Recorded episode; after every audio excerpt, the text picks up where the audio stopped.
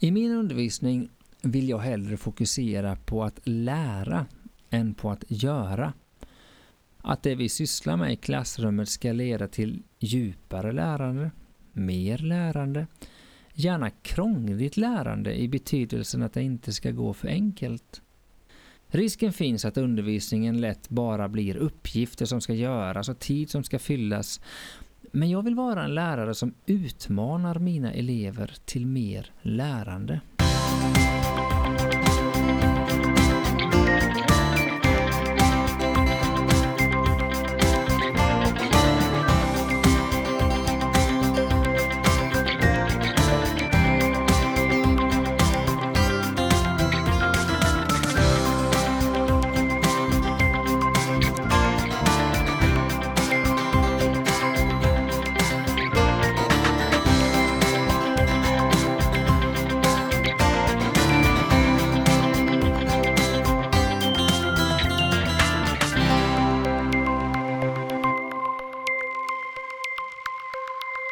Hej och välkomna till podden Jag vill vara en lärare som. En podd där vi pratar om lärande. Vi som gör detta heter Daniel Dahlström och Daniel Johansson. och vi jobbar fortfarande båda som SO-lärare på Frulidskolan i Aneby. Allt är som vanligt. Ja, det är det, fast ett nytt ämne. Ett nytt ämne och idag ska vi prata om något spännande. Mm. Och ett ämne som faktiskt tangerar ganska mycket saker vi har pratat om innan. Men det är ju inte konstigt. Vi har ju Nej. sagt det någon gång att vi, vi utgår ju från vårat någonstans pedagogiska pussel. Mm. Så det är klart att, att bitar har med varandra att göra Mm. inte så märkligt. Och idag, idag handlar det om utmaningar. Ja, och jag tänkte det sist vi satt och gjorde ett program som handlar om flow. Så vet jag, jag tänkte att vi borde göra ett avsnitt om utmaningar också. Jag tror vi nämnde det till och med. Mm. Mm. Vi pratade ju redan då om, om, om kopplingen mellan utmaning och förmåga Mm. eller, eh, Mm. eller så. Mm. Och, och vi spinner vidare på det lite idag. Mm. Men lite från en annan vinkel. Mm. Behöver man ha lyssnat på det avsnittet innan tror du? Eller? Nej det tror jag inte. Nej. Det känns som det här blir nog ändå fristående. Mm. Men, eh, men eh, ja. Har man Kom. inte gjort det så gör det. ja men det, det, det är givetvis bra. Ja. Eh, vi, vi kan ju lika gärna från början säga att eh, om folk har läst något av James Nottingham eller så på sistone så är det ju inte svårt att se att vi är influerade eller att vi är inne på samma spår. Nej, alltså det är ju hans stora grej. Challenging Learning heter ju hela hans Organisation. organisation, koncept. Va? Och det handlar ju om utmaningar. Och på svenska översätter man ju det som utmanande undervisning och det har jag reagerat lite på. För det, Det gillar inte vi riktigt. Nej, inte bara. Det, är inte, det handlar ju om hela lärandet ska vara utmanande egentligen. Challenging learning ja. Ja, utmanande, lärande. lärande hade varit en betydligt bättre titel på en bok eller så. Men, men eh, då har vi fått det sagt. Ja, och vi jobbar ju med undervisning också. Så att det, den ska ju också vara utmanande givetvis. Ja, ja men Mm. precis. Och, och vi kommer ju som du sa då koppla till olika saker som vi har pratat om tidigare. Mm. Eh, det kommer lite mindset, det är inte ovanligt. Nej, absolut inte. Eh. Vi kommer säkert eh, göra någon koppling till The Learning Pit också. Absolut och, Mm. och särskilt tydligt kanske nu då till flow förra Ja. avsnittet. Och sen vill jag också säga det här med, vi har ju pratat om formativ bedömning och sånt där och där pratar man mycket om det här följsamt lärande, att vara nära eleven i lärandet och det tycker jag är också väldigt viktigt för att det här ska funka. Mm. Mm. Bra, då, då har vi liksom lagt upp eh, det hela Ja. för eh, fortsättningen. Och jag vill också säga detta faktiskt, verkligen betona detta, när det gäller det här med utmaningar så, så är ju det faktiskt någonting som jag tänker inte bara rör klassrumssituationen utan det här handlar ju väldigt mycket om, jag tänker inte minst om du som lyssnar är förälder eller ledare i ett annat sammanhang att liksom när ska jag utmana, hur ska jag förhåll, vilket förhållningssätt ska jag ha till när det liksom är läge att utmana? Eller man inte går för hårt eller för lätt fram heller där va? utan Ja, Det det, är mycket förhållningssätt vi pratar om idag tror jag. Ja, och vi kom ju in lite i den här curlingdebatten och sådär. Där har vi varit förut tror jag. Men eh, där blir det ett litet inlägg i det. Ja, Eh, det kan man kan- se det som. Ja, och man kan ju skicka med den här grundgrejen utan att, att förstöra allt du kommer, vi kommer att prata om här. Men att, att lätt är ju inte så kul. Nej, Men eh, utmanande är spännande. mm, ja, där kan vi, eh, vi var ju faktiskt på en föreläsning en gång för länge sedan med James Nottingham och det, det präglade oss och inspirerade oss. Jag minns speciellt en bild som han visade Mm. på två vägar upp för en, ja, en liten kulle eller sånt där där det ena var en väldigt slät asfalterad Cykelväg typ. Ja, cykelväg sådär mjuk och fin att gå på och eh, riktig promenadväg. Utmärkt om man har barnvagn med sig till exempel, tänker jag. Mm. Och den andra vägen var ju upp för samma kulle, men det var rötter och det var snårigt och det var liksom en utmaning att klättra upp där. Ja, det var varit frå- fantastiskt roligt att Ja. gå den vägen, eller? Och frågan var ju vilken väg är roligast? Och det är klart att det finns ju alltid de som vill välja asfaltsvägen och det finns lägen då jag också gör det faktiskt. Men, men, men framförallt är det ju mer spännande och särskilt när man frågar barn så är det ju mer spännande att ta eh, den lite snåriga vägen. Men den bilden är ju lätt att applicera i andra situationer där man själv kan välja den svåra eller den lätta vägen faktiskt, tänker jag. Och eh, vår, vad ska man säga, mål och vår utmaning är ju att få, eh, få våra elever att välja den lite svåra vägen. Men just det här att, att ha det som ett litet mantra nästan, att, Mm. att eh, lätt är tråkigt och svårt är spännande. Ja, där, där lägger vi grunden för dagens avsnitt. Ja,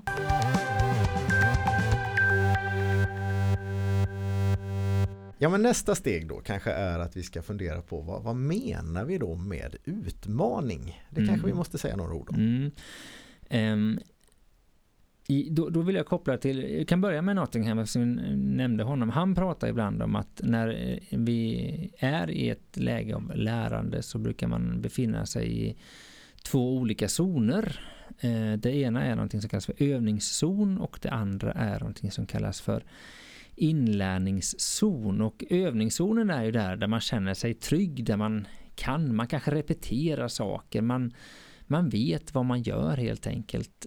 Eh, medan inlärningszonen är den zonen där det kanske vinglar rejält och man lär sig nya saker och det är svårt och man, man får in nya aspekter, nya vinklar, nya perspektiv. Alltså det man inte kan helt enkelt. Och man kanske misslyckas. Absolut. Ganska ofta. Ja, det är väl bra om man gör det för att annars så kanske man befinner sig i övningszonen och där ska man man ska vara där och man ska vara i inlärningszonen också. Vi återkommer till det lite men, men utmaning är ju att, att gå från det kända, alltså där du känner dig hemma, där du känner dig bekväm, där du vet precis vad du gör till den här miljön, till den zonen där det är svårt helt enkelt, där inte allting bara hamnar på plats direkt utan det faktiskt vinglar ganska rejält. Och att, att ta sig över den gränsen skulle man kunna säga är utmaningen. Och att på något sätt lära sig att trivas i båda zonerna. Ja, Alltså att jag, jag gillar att vara på båda ställena. Mm. Eh, sen, sen blir det ju omöjligt att inte koppla nu till det här vi pratade om förra gången med flow. mm, Kan det vara så kanske att flow är mitt emellan där? mm. Jag tänkte mycket på det faktiskt när vi pratade flow och du försökte mentalt beskriva något slags diagram med en X och Y-axeln så att, att det finns situationer där det blir både enkelt och lite lätt och, och så. Och, och det är inte fel. Man behöver vara där, eh, tror jag, ibland. Man behöver repetera, man behöver känna sig trygg ibland. Men man behöver också ta det här steget in i där det vinglar. Sen kanske... Nej, vi kan återkomma till det, men, men, men det kan ju ibland kännas lite läskigt här. När vi pratar flow så Mm. har man oftast inte den känslan, utan då, då, då kanske man inte märker att man kommer över. Här kan det faktiskt vara så att jag utmanar någon på ett sätt som gör att i början känns det inte alls flow utan snarare tvärtom så. Ja, och, och där har vi det här med misslyckande Ja, till exempel. ja. Att man, Mm. man faktiskt inte klarar Mm. det. I, i, i flow-kanalen där Mm. så, så lyckas jag ju kanske Mm. oftast. Mm. Eller så, jag känner att jag behärskar det. Jaha, Ja, så där slängde vi in en ja, liten sån mitt och- emellan zonerna. Ja, och sen vill jag ju också då, det är ju svårt att prata om det här utan att nämna Vygotsky ja som har format oss. absolut. vår generations lärare. Ehm, och han pratar ju om det här med den proximala utvecklingszonen och eh, det tycker jag att det är saker som man kan läsa in sig på om man känner sig lite osäker på det för det är ganska bra grejer men det man kan prata om kortare och vad kan vi göra med viss hjälp och vad klarar vi själva, vad kan vi göra utan hjälp och att, att det vi idag kan göra med hjälp av en annan att så småningom kunna känna att ja, men nu klarar jag det här själv och då har ju den gränsen Mm. flyttats fram för vad jag klarar med lite hjälp. Att, att befinna sig i det gränslandet där, att, att vara inne och, och träna saker med hjälp för att sen helt plötsligt känna att nu kan jag det här utan hjälp och då kanske jag flyttar fram den den, den eh, steget. Och där gäller det att inte gå för långt fram, alltså, för då, då tappar jag helt plötsligt fotfästet och jag tappar också intresset. Men att, att befinna sig i det här gränslandet mellan vad jag klarar själv och vad jag klarar utan hjälp. Ja, men det är klart. Där pratar ju Vygotsky mycket. Så. Ja, och, och kopplar vi till det vi har pratat om innan då så är det ju i takt med att mina färdigheter utvecklas mm. så behöver ju utmaningarna också utvecklas. Mm. Så att det blir någon sorts eh, ja, ja, fint steg framåt hela tiden. Mm. Liksom. Och ska man då säga vad, vad, utmaning är då tänker jag då att det är ju att vi ska försöka utmana eleverna som befinner sig i inlärningszonen att ta med jämna mellanrum då steget över till övningszonen. Mm, det är inte alla som vill det. Nu sa jag faktiskt helt fel. Jag menar tvärtom. Jag menar den som sitter i övningszonen, i det kända, i det trygga, eh, ska ta eh, steget ut i inlärningszonen. Jag, jag tänker där man pratar bland annat gå ur utanför sin komfortzon. Ja, men precis. Mm. Uh, mm. och då är då att uppmana eleven från att gå från övning till lärande helt enkelt. Ja, och det här är som jag precis sa, det är, det är inte alltid så lätt. Nej. Elever trivs ibland väldigt bra mm. i det här trygga, mm. i det de vet att de kan. Och det, mm. sådär. Hur, hur, kan vi då hur kan vi då komma in i det, att de ska tycka att det är attraktivt att ta steget ut ur det kända? Liksom. Mm. Har tror, du några trick? Ja, jag tror att man ska börja i det kända, i det här som är eh, vi kallar för övningszonen. Eh, vi brukar ofta prata om det när vi drar igång något nytt, att eh, kolla upp vad har eleverna för förförståelse, vad kan mm. de innan? Att scanna av det, i, antingen hos den enskilde eleven eller i, i klassen då. Vi jobbar ju ofta med olika typer av brainstorm eh, inför ett nytt arbetsområde. Eller någon slags EPA då, där vi börjar fundera lite enskilt och sen mm. i par och sen hela klassen tillsammans då alla för att se vad kan vi redan, var, var befinner vi oss? Att, att börja där och det finns ju ofta väldigt mycket, om man tar en hel grupp så finns det ju väldigt mycket vi redan känner till om ett område som kan vara helt nytt. Mm. Så börja i det kända, börja där du känner dig säker och det kan ju vara så att, för då har du någonting att relatera till, någonting att bygga vidare på. Det finns ett begrepp som, som jag tänker på nu som heter att, att komma på banan, liksom att mm. få eleverna på banan. Mm. Jag vet jag såg en, en föreläsning tror jag från, eh, det hade de med specialpedagogik att göra sådär. Och att det var en väldigt bra grej också för, för många elever att, mm. att få lite hjälp att komma på banan. Mm. Och då blir man lite mer trygg i att ta nästa steg eller kanske få lite mer ordning på förförståelsen också. Mm. Man, man gör det där tillsammans. Mm. Mm. Vi, vi, ju, vi jobbar ju som SO-lärare och ett av de ämnen vi undervisar är religion. Och jag tänker lite på hur vi har lagt om, om vår ut, undervisning där de sista åren. För innan har vi alltid läst kronologiskt. Vi började med judendom och sen tog vi kristendomen och sen tog vi islam och mm. så. Och när vi har läst Ja, vi, vi, tyckte vi hade ett väldigt snyggt upplägg Ja, där. det tyckte vi. Men det skrotade vi. Ja, det gjorde vi och det var ju tack vare att vi fick nytt läromedelsmaterial här. Ja, vi fick en ehm, tankeställare ja, lite. Och där var det mycket mer fokus på kristendomen i början och det vi har sett som en fördel med att börja med det, det är att många elever har kanske lite lättare att eh, relatera till, eh, man har läst mer om det kanske i, i eh, mellanstadiet och man har lite mer koll på kanske den kulturen, man vet vad en kyrka är snarare än vad en synagoga är kanske då. Då har vi börjat i det kända och sen utifrån det har vi byggt på med kunskap om både judendom och islam. Ja, att börja med judendom insåg vi var ju ganska, ganska märkligt egentligen för det är ju den mest okända för de flesta. Ja. Antingen kristendom ja. eller islam eh, i ja. de flesta av våra elever som, som har mest koll på. Ja, och det, det, kan ju vara likadant när man läser till exempel antiken i historia så kanske det är lättare att utgå från vad vi känner vi till idag, vad har vi för mm. någonting idag och sen så kopplar det bakåt i tiden, jaha varifrån kommer det här då? Alltså man börjar i det kända istället för att bara börja i någonting som blir väldigt abstrakt och väldigt eh, svårt att förstå kanske. Nu tar ju vi förstås exempel ur våran verklighet ja. men, men, här kan man ju hitta väldigt lätt paralleller eh, om man jobbar med yngre barn eller ja. med andra typer av ämnen eller ja. sådär. Eller i någon helt annan verksamhet, kanske ja. ledare i andra ja. sammanhang. Och sådär. Men, men just att börja med det kända liksom. Ja, men jag tänker om vi ska ha en eh, övning i någon sport som vi tränar, det skulle kunna vara innebandy till exempel. Ja, du tänker så. så. Så, skulle det vara lättare att börja i en övning man känner till och kanske sen utveckla den ett steg till istället för att bara kasta ut i ett helt nytt Man, man bygger ju Sammanhang. faktiskt väldigt ofta övningar på det sättet Ja. att man tar en, en lite enklare variant som man bygger ut. Eh, Så, så ja, det, det känns som det är ett all, allmängiltigt tänk. Mm. Problemet är att om det är för svårt från början så finns det många som inte kommer igång alls och det är därför det är bra att börja i det kända. Man känner att man är på banan som du sa innan. Man, man står inte och stampar i någon slags vakuum utan man vet lite var Lätt. man befinner Lätt att fastna i den där kommentaren, jag vet inte, jag kan Nej. inte. Nej. Och det Annars. gör man ju inte heller. Nej. Och, då, då, och, och upplever man att man mm, har en grupp eller några elever som, som verkligen befinner sig där, då behöver man ju föra in dem i det kända och hitta någonting som man kan relatera till, börja i deras verklighet och sen Alla känner därifrån. att någonting känns bekant. Ja. Liksom. Någonting klarar jag av Ja. här. Och då är man igång. ja. Och då kan man ta nästa Ja. steg kanske. Och det kanske känns ganska självklart men jag tror att det är viktigt att vara medveten om det och, och vet man om det och börjar där då slipper man ju det här Men, men, men hur vet man hur man ska gå vidare sen då? Alltså, hur, hur känner man in när är det dags att, att krångla till det eller att utmana liksom? Ja, jag tror att eh, nyckeln är ju att vara nära eleverna, det här med följsamt lärande. Jag nämnde det innan Mm, när vi pratade. mm. För det här, här handlar det om att inte stanna för länge nu i, i övningszonen. För vi kan ju inte bara sitta i det kända utan vi måste ju gå vidare. Och då eh, tänker jag att då måste man ju någonstans eh, vara nära eleverna. Jag måste följa dem och se reaktionerna. Den där Eh. lilla känslan att nu känns det som alla är på banan.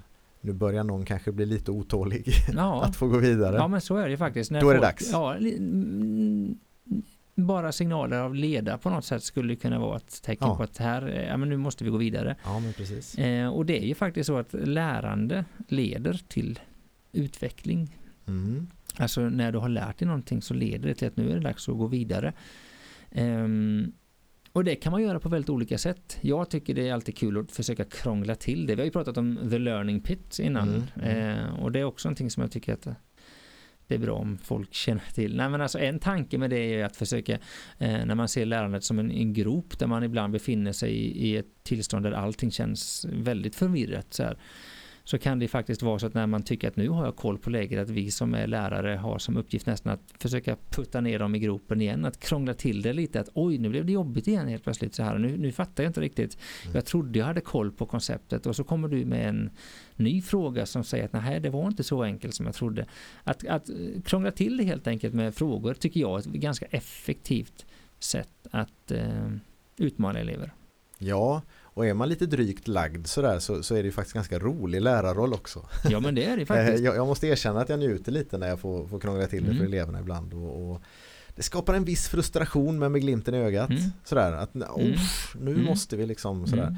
Men, och sen som grundtänk som lärare att istället för att liksom slänga ut en bro över gropen till eleverna så, så, så ah, då tar man sig tiden att Mm. faktiskt låta Mm. det vara lite krångligt Mm. en stund. Ja, Mm. det, det är snyggt. Mm. Och, och, det på samma sätt med det här som du sa innan med det följsamma att man inte hastar vidare utan man faktiskt är intresserad av vad eleverna skickar för signaler. Ja verkligen. Jag tror det är ett klassiskt misstag särskilt kanske om man är ny som lärare så att man man är fullt upptagen med det man håller på med så man ser inte signalerna. Mm. Man måste se signalerna och man Mm. måste vara intresserad av det. Man måste ta reda på Mm.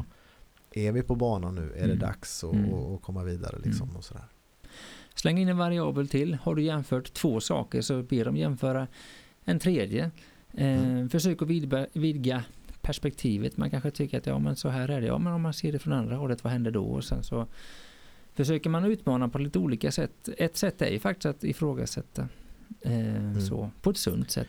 En Och- annan grej tänker jag, som jag tänkte bara ta, eh, det är ju det här att inte heller nöja sig med för enkla svar eller kanske inte nöja sig med det här, "Ah, jag vet inte, okej, utan kan du ta reda på det eller Mm. kan jag ge dig tid att faktiskt tänka efter eller har jag som lärare väldigt bråttom och vill gå vidare och ja, men då visar jag det istället eller kan jag finna andra vägar som är mer utmanande som utmanar eleven själv faktiskt att tänka till lite. Och ibland handlar det om att man måste när man konstruerar upplägget eller uppgiften tänka så att det inte blir uppgifter som man blir klar med. Mm. Alltså som inte har för lätta svar eller Mm. sådär utan att det finns grejer att bygga ut Mm. med och sådär. Det, det kan Mm. man ha med redan från början Mm. ju. Alltså det är ganska enkelt att skapa sådana lite mer öppna frågor. där, där det inte finns ett enkelt svar.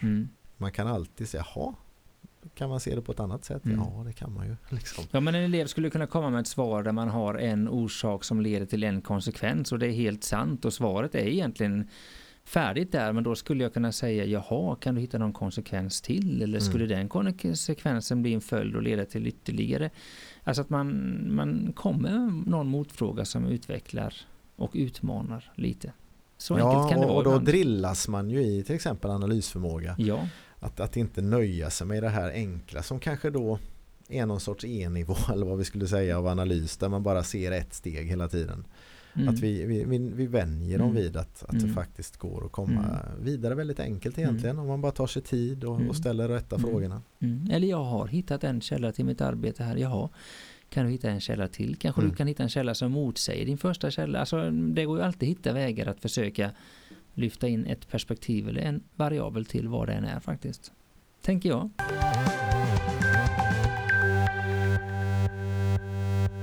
Då är ju en annan fråga man kan ställa sig det här. Alltså ska man alltid hålla på och utmana eller finns det någon risk med det?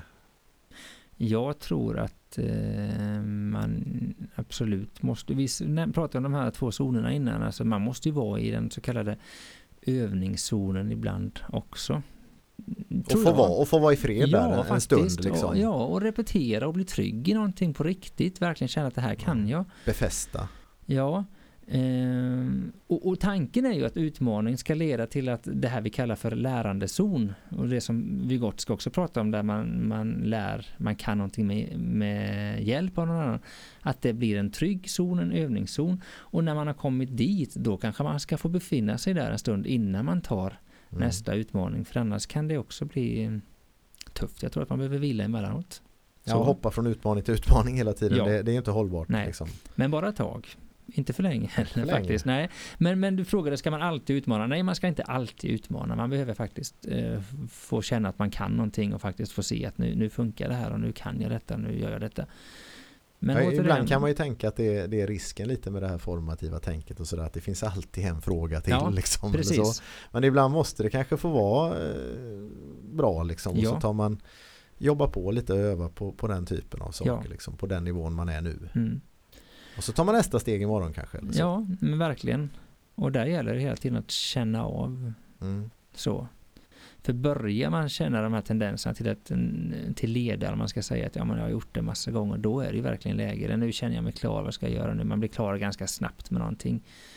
Mm. Mm, Men då- å andra sidan måste man kanske vara tydlig och, och känna in signalerna kring det här med Ingenting duger ju åt dig liksom. Nej, Eller så. precis, Ah, men då kanske man har utmanat för mycket. Precis. Alltså, då kanske det räcker där. Mm. Ja, men det här är ett bra svar. Mm. Eller det här är ett bra resonemang. Alltså. Mm.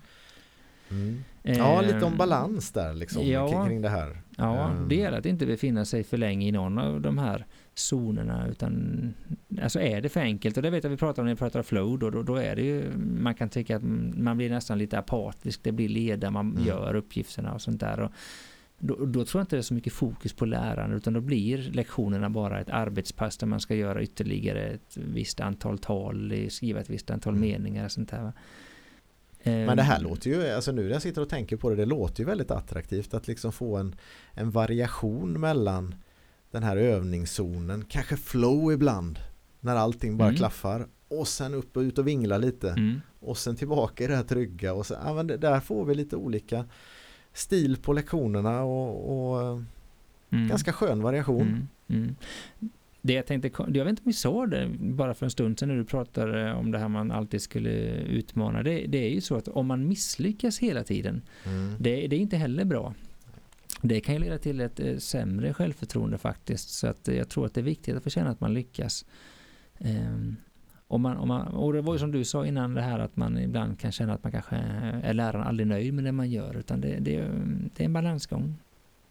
Mm. Mm. Ibland så drar ju vi lite sådana här sportkopplingar eh. Och ofta till innebandy inser jag. Men jag inser det här också. Alltså, just det här, tänk om man som lag ligger i en serie där man alltid, alltid får stryk. Mm, Då är man ju alltid ute och vinglar så att säga. Det är alltid Mm. lite för svårt. Vi har ju liksom haft den erfarenheten lite att vi har backat ner lite till, till ett eh, sammanhang där vi faktiskt passar bättre och där det blir lite av varje. Och vad mycket mer givande det är när liksom eh, motståndet matchar. Mm. Det är ovisst hur det ska gå Mm. mot att bara få stryk hela tiden. Liksom. Och lika har ju också tråkigt- med det här att göra. Ja, och lika tråkigt kan det ju vara om man alltid vinner med 10-0. Verkligen. Eh, Så är det ju. Och och det här Mm. tänket då som man kanske har inom innebandy som vi uppskattar att man försöker skapa jämna serier Mm. till varje pris och sådär. Mm. Ja, det var en liten, Mm. en liten Bara säga att det finns sidospår. andra sporter också. Så att, Ja, de säger det. ja. Mm. Eh, ja, bra. Ja, eh, en annan koppling då som vi lite grann utlovade i starten här det var ju kopplingen till, till mindset. Mm, Som vi ofta rimligt. återkommer till. Mm. Ett växande mindset eller ett fast mindset sådär eller tänkesätt eller hur man nu översätter det. Ja, Mm. vad, vad, vad, vad spelar det? Utmaningar och mindset, hur, hur funkar det? Jag tänker så här, ehm, och det är ingenting jag har kommit på, utan det har jag hört Nottingham säga återigen, att rätt nivå av utveckling kan hjälpa elever med ett icke gynnsamt mindset. Vi har pratat mycket om det här med fixed och, growth mindset och du kan ju sitta fast i något mindset som inte är sunt och där skulle eh, att, att få faktiskt få rätt nivå på utmaningar och lyckas med det kan ju Mm. hjälpa dig Mm. att faktiskt få ett eh, bättre, ett mer dynamiskt mindset att faktiskt se. Och då tänker jag att det är också viktigt i det läget då att jag som lärare eller ledare mm, poängterar detta, belyser detta och visar på både framsteg och utveckling och titta liksom nu gick det här bra. Jo men det är Så att klart, man, man, gång, pratar om det också. ja, om man gång på gång får bevis på att det blir synliggjort liksom, att jag har, här har det skett ett lärande. Mm. Då är det ju svårt att fortsätta hävda att jag är som jag är. Mm. Det är ingen mening jag tränar. Jo, Mm. titta här. Mm. Det är klart att då händer det någonting med ens mindset inom ett visst område Mm. kanske. Sen är det ju så att har du en elev med fixed mindset så är det fara att man alltid vill befinna sig i övningszonen. Man vill bara vara trygga, man vill Ja. göra saker man hela tiden klarar av för att man är rädd för att misslyckas. Och då gäller det också det här att utmana eh, för att faktiskt bryta det mönstret lite. Och det kan ju vara en riktig utmaning som lärare. Det är att, jättesvårt att hitta ibland. utmaningar. Man får nästan lura in en utmaning ibland. Mm. Med, med, och då kan ju andra vägar så här kring där det är lite lustfyllt eller lite sådana här saker kan vara en väg ibland Mm. att, att, eh, att få till en utmaning som Mm. inte märks. Mm. Men där man i efterhand kan synliggöra lärandet. Mm. Liksom och utvecklingen. Mm. Och sådär. Titta här nu vad du har lyckats med. Liksom. Jag tänker att när vi pratar om det här med utmaningar och när vi pratar om det här med mm, vad eleven kan i nu och man tänker att de skulle kunna kunna om ett tag så tänker jag att det är viktigt att vi hur vi tänker kring det här med elevens förmåga och potentiella förmåga. Mm. Ibland så kanske vi har en tendens att tänka att eleven kan så här mycket just nu, det är elevens förmåga och så kanske vi ser framför oss att där finns en potentiell förmåga, att det, det är nog så mycket som eleven faktiskt klarar av och, och man kanske ger upp lite, lite på förhand faktiskt och stämplar eleven eh, ganska tidigt för att det Mm. kommer nog inte gå. Men, men där jag tycker Vygotsky är tydlig när han säger det här med att eh, lärande och utveckling hänger ihop så att ju mer du lär dig desto större utvecklingspotential Mm. har du också. Mm. Alltså, I och med att din nuvarande förmåga flyttas fram så flyttas också din potentiella förmåga fram om du förstår vad jag menar. Alltså, I dagsläget kanske det finns en potentiell förmåga som ligger en liten, liten bit bort men i och med att eleven har utvecklats så flyttas också gränsen framför vad som är potentiellt. För att ju mer man kan desto mer utvecklas och ju mer kan man lära sig. Tror jag. Vilket är ett oerhört sympatiskt synsätt. Alltså jag vet att vi i något annat avsnitt har utmanat det här. Ska vi överhuvudtaget sätta oss till doms över ele- elevers potential? Det kanske inte är vårt jobb liksom. Men, men tänker man sådär då går det ju an. Att man är medveten om att en potential också kan utvecklas. Och det, det tror jag att det påverkar i vårt sätt både att arbeta med elever och att framförallt kommunicera med elever. Vi- Och kommunicera med varann. Ja, absolut. Mellan kollegor. Inte Ibland kan jag bli minst. mörkrädd för hur vi pratar om, om, Mm. om elever. Eh, där vi faktiskt kanske inte riktigt ger dem chansen att utvecklas eh, som det låter. Mm. Vi gjorde en gång ett avsnitt om beröm och jag tänker att det är Mm. också kopplat till detta. Liksom. Det är lätt att vi berömmer elevers arbete och det kan ju vara elever som gör saker väldigt snabbt och väldigt smidigt och det blir väldigt, väldigt bra. Och vi tänker bra gjort, jättebra så här.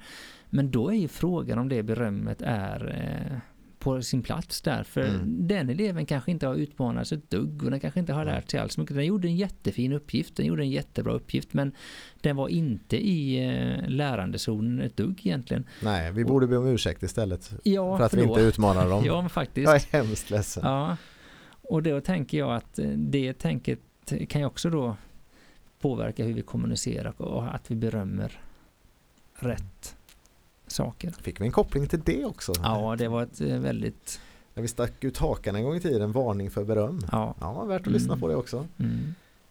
Ja, Jag tror vi är färdiga där Daniel. ja men vi är det va? Mm. Jag tror det är viktigt att utmana, jag tror det är viktigt att utmana i rätt mängd och jag tror det är rätt att, viktigt att vi kommunicerar både utveckling och vad vi berömmer på rätt sätt. Och kom ihåg, lätt är tråkigt. Mm. Svårt är spännande. och intressant, absolut.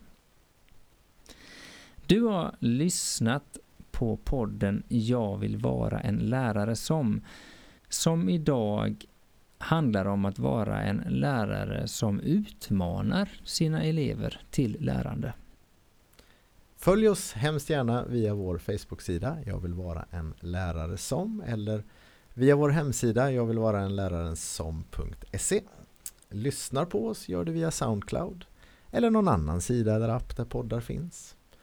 På Facebook och via mejladressen Daniel snabel-a, jag vill vara en lärare som.se Där kan du ge respons, ställa frågor och komma med idéer. Gör hemskt gärna det. Mm. Daniel och Daniel tackar för oss. Vi hörs snart igen.